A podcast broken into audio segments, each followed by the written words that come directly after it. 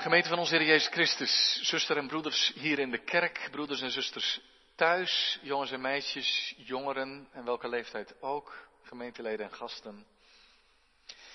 Vanmorgen zijn we begonnen met een tweeluik over christelijke vrijheid. Vanmorgen klonk de boodschap vrij, waarvan?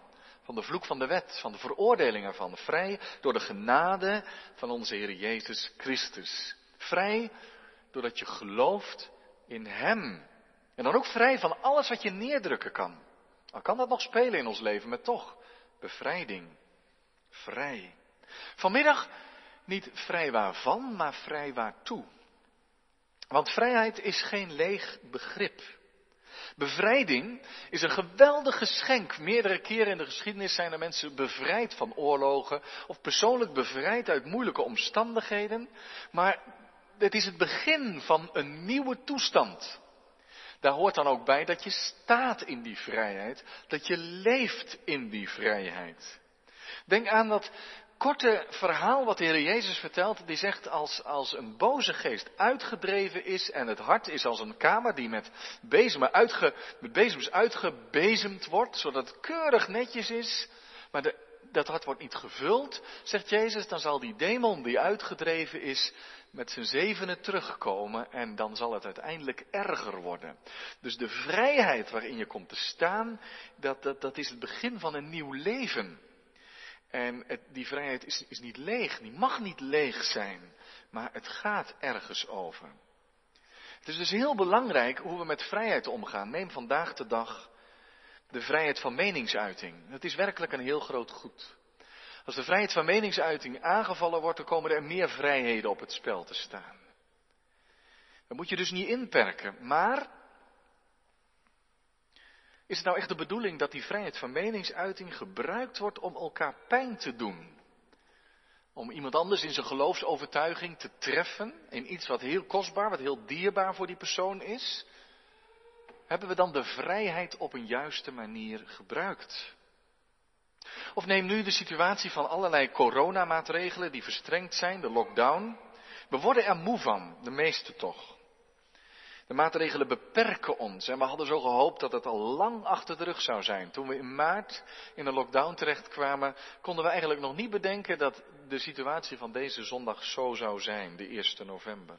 Een nieuwe lockdown. We willen onze vrijheid terug. En er wordt ook voor geprotesteerd. Of we pakken de vrijheid nog even op een laatste dag, dat het koopzondag is. Of een laatste zaterdag. Dan kun je over de hoofden lopen, want het is wettelijk nog niet verboden. Is dat echte vrijheid? Als je je vrijheid, de wettelijke vrijheid neemt, maar vergeet dat dat wellicht ten koste van de ander gaat. Onze zucht naar vrijheid heeft ons vaak geen vrijheid gebracht. Het is een heel oud verhaal. Een verhaal wat we lezen reeds in het begin van de Bijbel. Begin daar maar te lezen. Genesis 1, 2, 3. Vrij zijn van God en van zijn gebod. Het leek een prachtig idee. Het leek de oplossing van ons mensen. Het moet heerlijk zijn. Zo veelbelovend klinkt het. We schudden God en zijn wil van ons af en we beginnen voor onszelf op deze aarde. Maar het werd geen vrijheid, maar verslaving aan de machten en aan onszelf aan ons ego, aan onze luxe, aan onze eer, aan onze naam en aan de zonde. En zie je dat ook niet vandaag de dag in het Westen? In zeer sterke mate autonomie. Het woord betekent zelf je tot wet zijn. Ik bepaal zelf al hoe of ik leef. Zelf beschikken. Niemand moet mij zeggen hoe ik leven moet. En wat krijg je ervan? Wat is het resultaat, de vrucht daarvan? Is dat de vreugde van de vrijheid. Ik denk als wij heel goed om ons heen kijken in deze maatschappij, dat we juist vaak een gebrek aan vrede zien. Verstoorde relaties, conflicten. misschien is het niet voor niets dat in dit gedeelte in gelaten 5, vers 15 staat, je kunt je afvragen waarom zegt de apostel dat opeens. Maar als u elkaar bijt en verslindt, pas dan op dat u niet door elkaar verteerd wordt. Dat is de mens uiteindelijk in onvrijheid. Die zegt, ah, ik ben vrij om voor mezelf te gaan. Maar dat kost anderen heel veel. En dan gaan we met de ellebogen werken. Dan gaan we elkaar bijten en verslinden. Hoe komt dat toch? Omdat we de vrijheid die God ons geeft verkeerd verstaan. Velen denken van het christelijk geloof vrijheid. Dat is juist toch gebondenheid. Je mag van alles niet van je geloof. Aan u, als christen, die staat in de vrijheid, de taak om voor te leven en uit te leggen. Dat dat niet klopt. Dat als je dingen laat, als je dingen niet doet, dat je dat niet doet omdat het moet en omdat het moeilijk is, maar omdat je dat graag wilt. Omdat je wil wandelen, zoals dit gedeelte zegt, door de geest. Onder de leiding van de Heilige Geest. Ja, daar kies je voor. Je wilt dat. Dat is niet altijd makkelijk. Dat, dat zien we in vers 17. Dat het een innerlijke strijd geeft, omdat de geest begeert tegen het vlees. Het verlangen van de geest is anders dan het verlangen van het vlees. Dat kan een innerlijke strijd zijn. Maar echte vrijheid, en je bent daar diep van overtuigd toch, is dat je leeft door de geest van God, onder zijn leiding. Dat je wandelt door de geest. Vrij dus om te dienen. Want die vrijheid moet ingevuld worden. Nadat Paulus gezegd heeft, sta in de vrijheid en laat je niet meer knechten, een nieuw juk van dienstbaarheid, dan gaat hij in op een, op een voor de hand liggend verwijt. Dat iemand zegt, ah, dan kan dus alles. Christus heeft voldaan. Hij is een volkomen zaligmaker. Uh, mijn zonde heeft hij toch wel betaald en vergeven doet hij graag. De genade is overvloedig. Nou kan ik vrij leven zoals ik wil. En als ik dat zo zeg, dan voelt iedereen wel aan, zo zit het niet. Maar hoe is dat nou bij jou? Hoe is dat bij u? Is het je al eens overkomen dat je gemakzuchtig bent geworden door de genade van God? Ja, dat, dat kan eigenlijk niet, want als die genade je raakt, dan bevrijdt het je van gemakzuchtigheid. Maar die gedachte, je zegt, ach, we hebben genade, komt niet zo nauw in mijn leven. Dat je slordig gaat leven, weinig toegewijd. Dat je zegt, ach, dat geloof in de vergeving, dat valt allemaal wel, ik neem dat er wel bij. Maar zo gaat het niet goed, zegt Paulus. Dan heb je die vrijheid ook helemaal niet begrepen. Daar is die vrijheid niet voor.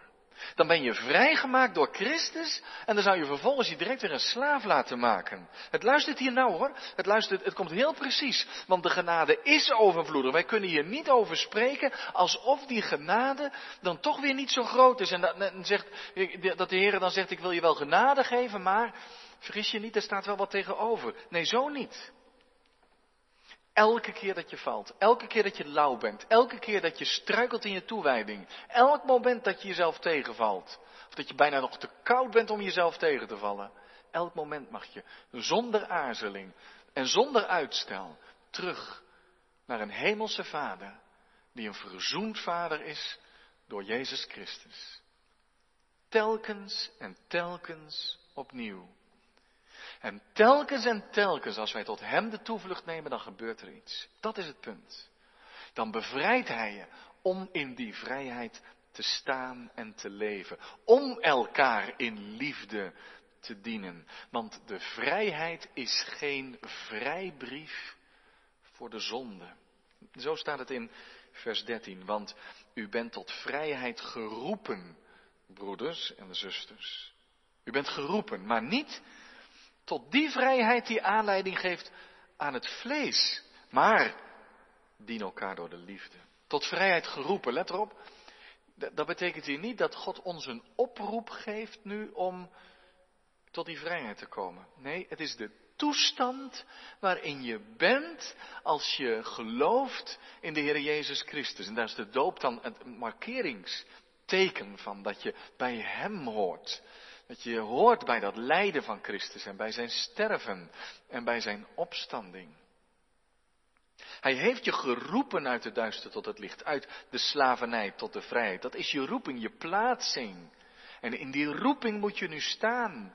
Maar God heeft je niet in die positie gebracht om er dan maar mee vandoor te gaan met die vrijheid en die voor jezelf te gebruiken. Oftewel, dat die vrijheid, zegt Paulus, een aanleiding is stimulans haast, een vrijbrief, een ticket, om het vlees aan gang te laten gaan. Het vlees, zegt Paulus. Ja, dat, dat klinkt altijd zo vreemd. Vlees. Wat betekent het? We zijn mensen van vlees en bloed, zeggen we wel eens. Maar vlees is hier niet dat wat wij op de botten hebben. Het is niet ons lichaam in onderscheid met onze geest, zo van, dat is wat we met ons lichaam doen, maar onze, nee, onze geest kan ook vleeselijk zijn. We kunnen vleeselijk zijn in ons denken. Vlees staat bij Paulus vaak, niet altijd, maar meestal voor hoe wij een gevallen mens zijn. Een zondig mens. De oude mens. Die onder de macht van de zonde is en niks anders kan dan zonde doen. Dat is ons vlees. Dat is dat oude wat we achter moeten laten, maar wat ons nog zo vaak parten speelt. Dat is het vlees. Het vlees dat geen macht meer over ons mag hebben. Vrijheid die aanleiding is voor het vlees is dus dat je zegt, Christus heeft voor mij voldaan en nu, nu kan ik rustig met alles meedoen. Want de wet veroordeelt mij toch niet meer. Ik heb geen kwaad te vrezen van veroordeling. En dan beroep je je dus op de christelijke vrijheid om de zonde te doen. Ik ben nu vrij om jouw pijn te doen, zoiets.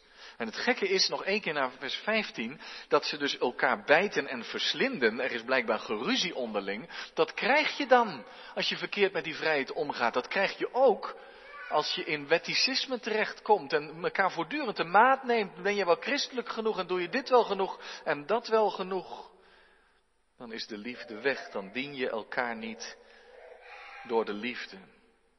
En je zegt apostel, dien elkaar door de liefde. Je bent vrij om te dienen. En het is opmerkelijk dat de apostel voor dat woord dienen juist een heel stevig woord gebruikt. Iets wat doet denken aan slavernij. Is dat niet vreemd en tegenstrijdig? Je bent bevrijd van de slavernij, van de zonde en van de veroordeling van de wet. Om echt dienstbaar te zijn. En dan gebruikt hij dat sterke woord. Het klinkt tegenstrijdig. Misschien zeg je wel, maar ik ben toch niet verplicht? Nee, dat is precies het punt. Je bent niet verplicht. Maar je wil het wel. Omdat het de wil van God is. Omdat de eer van God ermee gemoeid is. De eer van onze Heer Jezus Christus. Omdat je geroepen bent tot zijn koninkrijk en je verlangt dat dat koninkrijk van God komt. En je zegt, u wil geschieden, uw koninkrijk komen. Uw naam worden geheiligd. Als je weer de zonde gaat dienen, dan raak je die vrijheid kwijt. Dat dreigt. Dan kom je toch weer onder een juk, zoals vers 1 zegt. Het kan op twee manieren. Dat kan door, door, zoals dat hier in Galatië het geval was, dat je wettisch gaat worden en elkaar de maat neemt. Maar dat kan ook doordat je zegt, ach, de wil van God doet er niet meer toe. Dan duik je opnieuw de modder in, waaruit je juist bevrijd bent. Vergis je niet, zegt Paulus, de wet is er nog steeds. Die is niet afgeschaft. De wet is wel vervuld. Maar de wet is niet weg. Dat is soms moeilijk hoor, als je Paulus op dat punt goed wil begrijpen. Maar, wat is er dan met die wet? Christus zegt, ik ben niet gekomen om die af te schaffen. Geen kommaatje van de wet. Maar ik ben gekomen om de wet te vervullen. En als Christus de wet vervuld heeft, dan zegt Paulus, als je dan leeft door de geest, dan, dan ben je niet meer onder de wet. Dat wil zeggen, de wet veroordeelt je niet meer. Die heeft geen zeggenschap meer over je. Het is Christus die alles over je te zeggen heeft. Maar omdat Christus de wet vervuld is en de wet vertelt van de wil van God, Daarom mogen wij toch naar die wet luisteren. En leren we de weg die wij hebben te gaan. En dan vat de apostel die hele wet in vers 14 samen. Want de hele wet wordt in één woord vervuld, namelijk hierin. Het is een tekst uit Leviticus 19, maar die ook door de Heer Jezus wordt aangehaald. U zult uw naaste liefhebben als uzelf. Die wet, die staat die staat nog dieper dan dat hij in de tijd van het Oude Testament daar stond. Ja, toen stond het er al in Leviticus 19. Maar de Heer Jezus heeft laten zien hoe ver dat gaat. Liefde zelfs voor je vijanden. Liefde voor alle naasten. En dan vers 16 is zo'n prachtige tekst. Dan zegt de apostel dan, maar ik zeg u, wandel door de geest. Dat is de echte vrijheid. Je wandelt onder de leiding van de Heilige Geest. Volgens die vrucht, ik kom daar zo op. Van vers 22. En dan staat er, En u mag de begeerte van het vlees niet volbrengen. Nee, dat staat er niet. En u zult het niet doen. En dat is natuurlijk een gebod. Maar het is tegelijk net zo goed een belofte. Als je wandelt door de geest. Nee, dat is niet wat je doet in eigen kracht. Het is dat je zegt, Heer, leid mij. Leren, leer mij uw weg. Vul mijn hart met uw Heilige Geest. En dan zal de Heilige Geest ervoor zorgen dat je de begeerte van het vlees niet volbrengen zult. Dat wil je niet meer. Daar gaat de Heilige Geest een stokje voor steken. Herken je dat niet? Er is wel een moment in de preek, denk ik, dat we eventjes moeten stilhouden. Hoe is dat in mijn leven? Mijn verlangen. Ken ik het evangelie zo? Kent u het? Ken jij het evangelie zo? Je zegt ja, mag dat verlangen in mijn hart zijn? Om onder de leiding van de Heilige Geest echte vruchten te dragen. Oh, want die vruchten hoor, die werken van het vlees. Ik las ergens, je kunt het een beetje vergelijken met die kerstboom die waarschijnlijk wel redelijk vroeg in huis gehaald zou worden door veel mensen dit jaar. Om zoveel mogelijk gezelligheid en licht te brengen. Het is prachtig, maar uh, het, uh, het, leeft niet echt. Hè? Het, is mooi hoor. Um, maar uh, die bomen die liggen natuurlijk in januari allemaal aan de weg. En die fruitbomen, die zijn misschien niet zo glitterig als die kerstbomen, maar die dragen vrucht. Die dragen, als ze goed verzorgd worden, echt vrucht. Dat is vaak het verschil tussen de werken van het vlees, die heel aantrekkelijk lijken, maar uiteindelijk geen echte vrucht voortbrengen. Zo dood als kerstbomen. Nou, daartegenover staat de vrucht van de geest. Misschien niet op het eerste gezicht dat je zegt, oh, dat is een fantastisch leven. En toch, als je dit kennen, echte, echte vruchten. Zie je dat de wet er dan nog is? Niet veroordelend, maar als een wegwijzer. Om antwoord te geven op je diepste verlangen. Heere, leer mij uw weg. Zie je, dat maakt alle verschil. Vanmorgen verwezen we naar de Reformatie. Nu ook Luther, 1520, schreef een boekje over de vrijheid van een christen. Op de eerste bladzijde zegt hij iets heel tegenstrijdigs, wat precies de kern van het boekje uitmaakt. Hij zegt twee zinnen, ze zijn allebei tegelijk waar. Hij zegt een christen is een vrijheer van alle dingen en niemands onderdaan. Over vrijheid gesproken. En direct erachteraan zegt hij, een christen is een dienaar van alle dingen en ieders onderdaan. Nou, dat is tegenovergesteld, hoe kan dat? Maar volgens Luther strijdt dat niet met elkaar. Het is allebei helemaal waar. Als christen ben je volledig vrij. Maar dat is het geheim van de Heilige Geest. Dat je dan zegt, heren, gelukkig ben ik nu vrij om u te dienen. Van harte. Geeft nog wel strijd van binnen. Dat zie je in vers 17. Het vlees begeert tegen de geest in. Het is niet zo dat het vlees ver achter ons is. We hebben niks meer mee te maken. Doet niks meer. Nee, het kan nog stevig meespreken in ons leven. En de geest begeert tegen het vlees in. Ze staan tegenover elkaar. En dan doe je soms niet wat je zou willen. Moeilijk is dat. En dan somt Paulus de werken van het vlees op. Waar de wereld aan stuk gaat. Maar daarna, ik ga daar nu niet uitgebreid op in, maar daarna de vrucht van de geest. Die negenvoudige vrucht. Liefde, blijdschap, vrede, geduld, vriendelijkheid, goedheid, geloof, zachtmoedigheid en zelfbeheersing. Is dat wat je wil? Deze negenvoudige vrucht van de geest. Neem elk woord deze week maar eens. En denk er maar eens een poosje over na. Laat het maar tot je doordringen. En dan staat daar achteraan, dan heb je geen last van een wet die je veroordeelt. Nee, daartegen richt de wet zich niet. Maar staat dan in vers 24, wie van Christus zijn, hebben het vlees met zijn hartstochten en begeerten gekruisigd. Dat klinkt heftig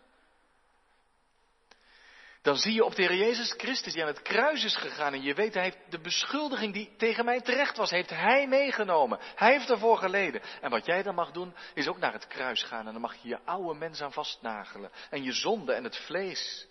Die heb je dan gekruisigd. Daar ben jij wel bij betrokken. Je zou kunnen zeggen, dat heeft Christus voor ons gedaan. Maar dit doen wij ook zelf. En zoals de Romeinse soldaten bij dat kruis stonden om te kijken dat een kruiseling er niet afkwam of er afgehaald werd, zo moeten wij erbij staan dat die zondige mens niet meer in beweging komt. Hoe is onze strijd tegen de zonde? Wil je echt de handen vrij hebben om God te dienen? Dan moeten we het vlees geen ruimte geven, maar aan dat kruis nagelen, waar Christus voor ons de prijs heeft betaald.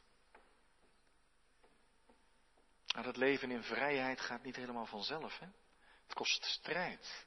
Je kruis op je nemen. Hoe leven wij in de vrijheid? Leef je uit de genade van Christus? Dat is de roeping van God. Maar sta er dan in. Hoe sta ik erin? Nee, geen vrijbrief voor het vlees, maar wandelen door de geest. En als wij door de geest leven, vers 25, door het geloof in Jezus Christus. Maar laten wij dan ook door de geest wandelen. Dat kan keuzes van ons vragen. Hoe we onze tijd indelen. Kan keuzes voor ons vragen om dagelijks met de schrift bezig te zijn. Om dagelijks tijd voor gebed te hebben. Om tijd voor goede voeding, geestelijk onderwijs te hebben in ons leven. Om te wandelen, ook in de dagdagelijkse dingen, onder de leiding van de Heilige Geest. Je eenvoudig laten leiden. Je laten voeden. Leven bij Gods woord. Ten slotte voor ons zijn twee dingen belangrijk. Vergeet de totale bevrijding niet.